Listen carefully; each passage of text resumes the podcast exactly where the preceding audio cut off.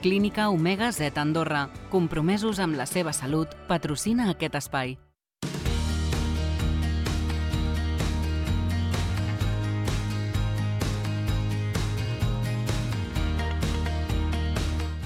Saludem a les 11 i 11, empat a la condomina, 11 i 11, a l'espai d'Omega Z, la doctora Núria Escoda. Doctora, bon dia.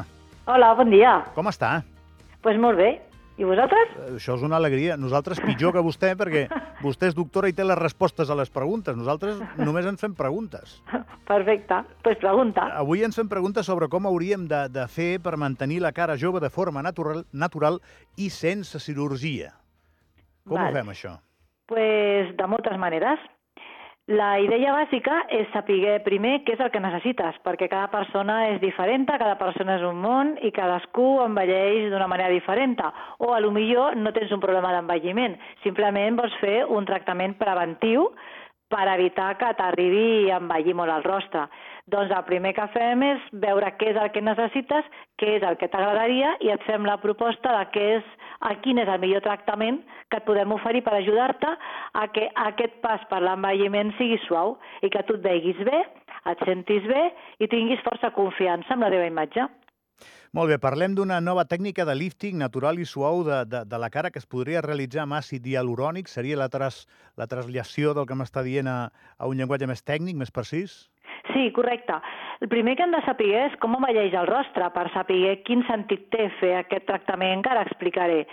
El primer és saber doncs, que el que ens va succeint a mesura que anem envellint és que l'estructura de l'os, que és el que dona suport a tots els teixits tous, es va perdent, va disminuint de volum. Per tant, tots aquests, aquests teixits tous, el greix i la pell, van caient perquè perden el suport i tendeixen a fer el que coneixem com la flacidesa de la cara. I això és el que nosaltres compensem amb el tractament d'àcid hialurònic, amb el Natural Lift, que és un tractament d'àcid hialurònic que el que fa és eh, fer com una subjecció d'aquests teixits perquè no caiguin. D'aquesta manera tu tens la teva estructura però la vas mantenint, no et canvia la cara, que és un dels problemes que, de, de les dubtes que més em pregunten els meus pacients. Bé, són, és que dubtes n'hi ha molts, i com hem dit abans, els metges Digue'm. tenen les, les respostes, nosaltres sempre tenim les preguntes, no? Digue'm. En aquest cas, el, eh, el cap es veu que amb el pas del temps es va reduint de volum Sí. i, i tenim uns teixits tous, com el greix, els músculs, la pell, van, van perdent suport perquè, això igual no ho diríem, però el cap cada cop té una mesura diferent, llavors aquí apareixen els factors, en aquest cas, doncs, a, de diagnosi, de correcció i d'aplicació de les tècniques de les que estem parlant perquè, no perdem de vista el titular, doncs mantenir la cara el més jove possible sense necessitat de cirurgia, no? Sí, i amb un aspecte natural, que aquest és, eh, jo crec que un dels ítems més fonamentals, perquè el que fa, mm, més em comenten les persones que es venen a, a consultar és que sobretot no vull que em canvis la cara. Jo vull ser jo, però mantenir-me bé i amb un bon aspecte. Aquesta per mi és la premissa bàsica. Per tant, jo el que faig és, amb aquesta tècnica, fer un tractament en el qual començo a treballar tot el que és la part lateral del rostre per estimular i donar-hi subjecció a lo que és la zona lifting de la cara. Per estudis científics sobre això, si tu comences treballant aquesta zona d'una forma natural i sense veure't volum a la cara, notaràs tot l'efecte lifting. Per tant, quan després vulguis tractar el que és el solc nasorictus, la comissura o, ta o també la ullera, sempre necessitaràs menys quantitat de producte, per tant, el resultat serà més econòmic i molt més natural. I jo em demano, doctora, quan li demanen aquestes coses, algun dia li ha dit a la persona m'estàs demanant un impossible o la Sí. seva obligació sempre és buscar el màxim denominador comú per cada petició? Sí, però amb, i a més amb, amb fiabilitat. Vull dir, jo hi ha vegades que m'han vengut persones que, per exemple, si tenen bosses als ulls o tenen algun tipus de tractament d'envelliment de, de, de, que jo no puc solucionar, és, bueno, mira, crec que hauries de passar amb un cirurgià per això i jo et puc ajudar amb això altre. Crec que la, la, la honradesa amb el que pots fer i amb no generar falses expectatives és la base d'una gran satisfacció com meva. Estem a l'Espai Omega Z amb la doctora Núria Escoda. Eh, ara anem a introduir, anem a incorporar a la conversa un, un altre element, un, un terme que, que crec que en, aquest, eh, en aquesta part de, de la feina que vostè desenvolupa doncs és fonamental, el rictus. Sí. Eh, clar, el rictus és, un, és una paraula que l'associem eh, moltes vegades a, a moments dràstics, no? Eh, Aquest home té un rictus, aquesta dona té un rictus, bé, el rictus el portem tot el dia. I, Mm. i vostè hi ha de treballar, no?, quan es, troba, quan es troba en situacions d'aquest estil. Per què no m'ho explica, si plau? Sí, el rictus es forma a part de pel gest, que pot ser també genètic, per tant, pot aparèixer en persones joves. Generalment es va produint perquè van lliscant els teixits que van perdent la subjecció i acaba formant-se com una bossa aquí, al, de, al costat del nas, que acaba amb un plec profund que s'accentua pel, pel, pel moviment de, de la parla i de la gesticulació. Quan vols eh, tractar aquest rictus, el primer que has de fer és el que us deia, has de subjectar, subjectar aquests teixits, col·locar-los en el seu lloc i després, quan ja has disminuït aquesta profunditat, tractar-lo és molt més fàcil. Estic dir, pensant... Ah, I has d'anar donant suport. El que, el que fem és, amb l'àcid hialurònic, que és una substància natural hidrata els teixits i que tenim de diferents densitats, primer treballes la part de subjecció lateral amb un producte una mica més dens i després vas a la zona del rictus i su subjectes aquesta pell que s'està plegant cap a dintre i que acaba com una cicatriu, li dones suport amb aigua per sota, saps, amb aquest hialurònic. I aleshores acabes aixecant-la i veient la fina línia que és molt fàcil de tractar. O sigui, vas treballant com a capes. Tinc dues preguntes menys tècniques, eh? M més de curiositat. Uh, vostè pot convertir el rictus d'una persona trista o una persona més aviat d'aquelles que té un rictus amenaçador en un rictus diferent amb la seva feina i que sigui Clar. algú que tingui una, una manera més amable de percebre o, o de ser percebut, evidentment? Sí, clar, eh, gran part de la meva feina és aquesta. Eh, alleugerir la cara trista, la cara amargada, la cara d'enfadament, perquè tot això són gestos que es van marcant a la cara. I si tu els treballes bé i en compte, és quan aconsegueixes millorar aquest rictus i fer que se suavitzi. I estic pensant, doctora, que això és com màgia, no? Eh, Vostè ha pogut Sí. canviar una persona amargada per una persona que no, ho No. és? Jo no la puc canviar, però la percepció externa que es pot tenir d'aquesta persona sí, i moltes vegades és el que em diuen. Molt bé. I després està el tema d'allò de, d'allò de demanar-li miracles eh, a algú que, de, que executa la ciència, no? com, és, com és el seu cas. No? Vostè no pot fer miracles. Vostè, si, si jo apareixo a la seva consulta i li dic, doctora, eh, per molts diners que tingui, jo vull ser Brad Pitt. No, jo no puc ser Brad Pitt. No, és que la realitat... A veure, cadascú som com som, és el que he dit al principi. El primer que hem de fer és veure la persona i respectar la fesomia d'aquesta persona i millorar-la. No es tracta de canviar ningú, no es tracta de convertir a ningú en un alienígena, amb unes cares estranyes, no. Cada persona és com és, és respectar-la i millorar aquella cara. Aquesta és la meva feina. I això sí, quantes màgia. sessions... Disculpi, quantes sessions eh, podria ser això, un tractament d'aquest estil? És que depèn molt de la persona i el que necessiti. Vull dir, una persona jove, amb una sessió de pocs mil·lilitres, està solucionat, però a mesura que anem envellint necessitarem més quantitat per donar més suport a aquests teixits perquè hi ha més caiguda de teixits.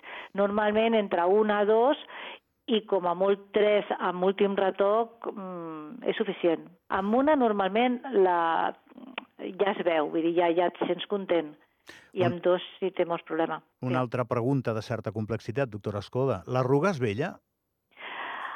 A veure, depèn on estigui l'arruga i com sigui, bueno, i a la profunditat, bueno, jo no sóc de, de...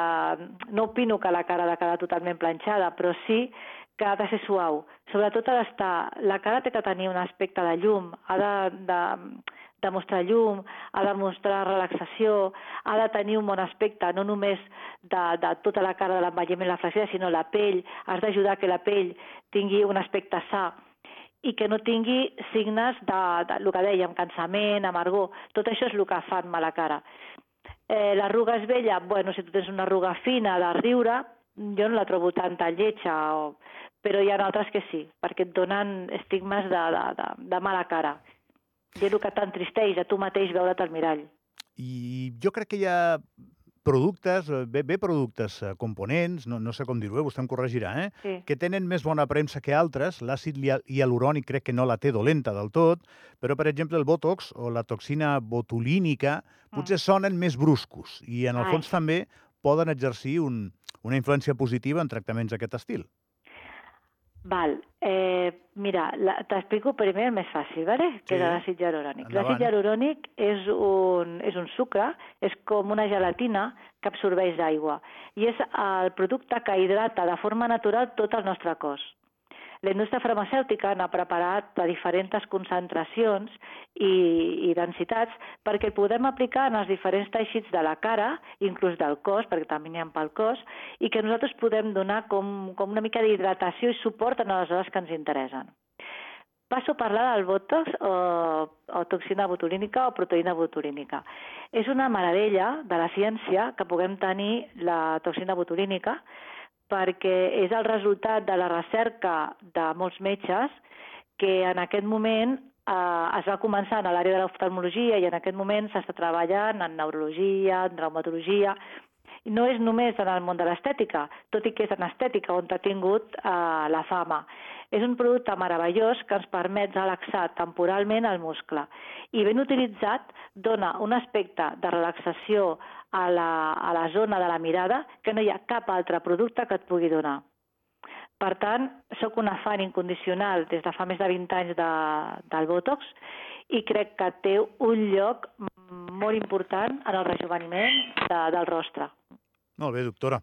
Bé, doncs hem parlat de com mantenir la cara jove de forma natural sense cirurgia. Ens ho ha explicat a l'espai d'Omega Z la doctora Núria Escoda.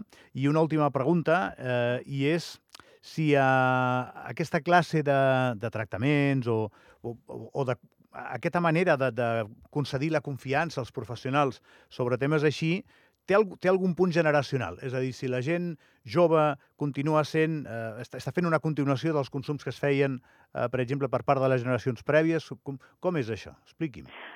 La veritat és que a la, quan jo vaig començar, que fa ja un cert temps, hi havia molt de tabú amb tot això. És que a mi em canvia la cara, és que jo vull començar tard, és que, és que jo mm, no em vull sentir estranya.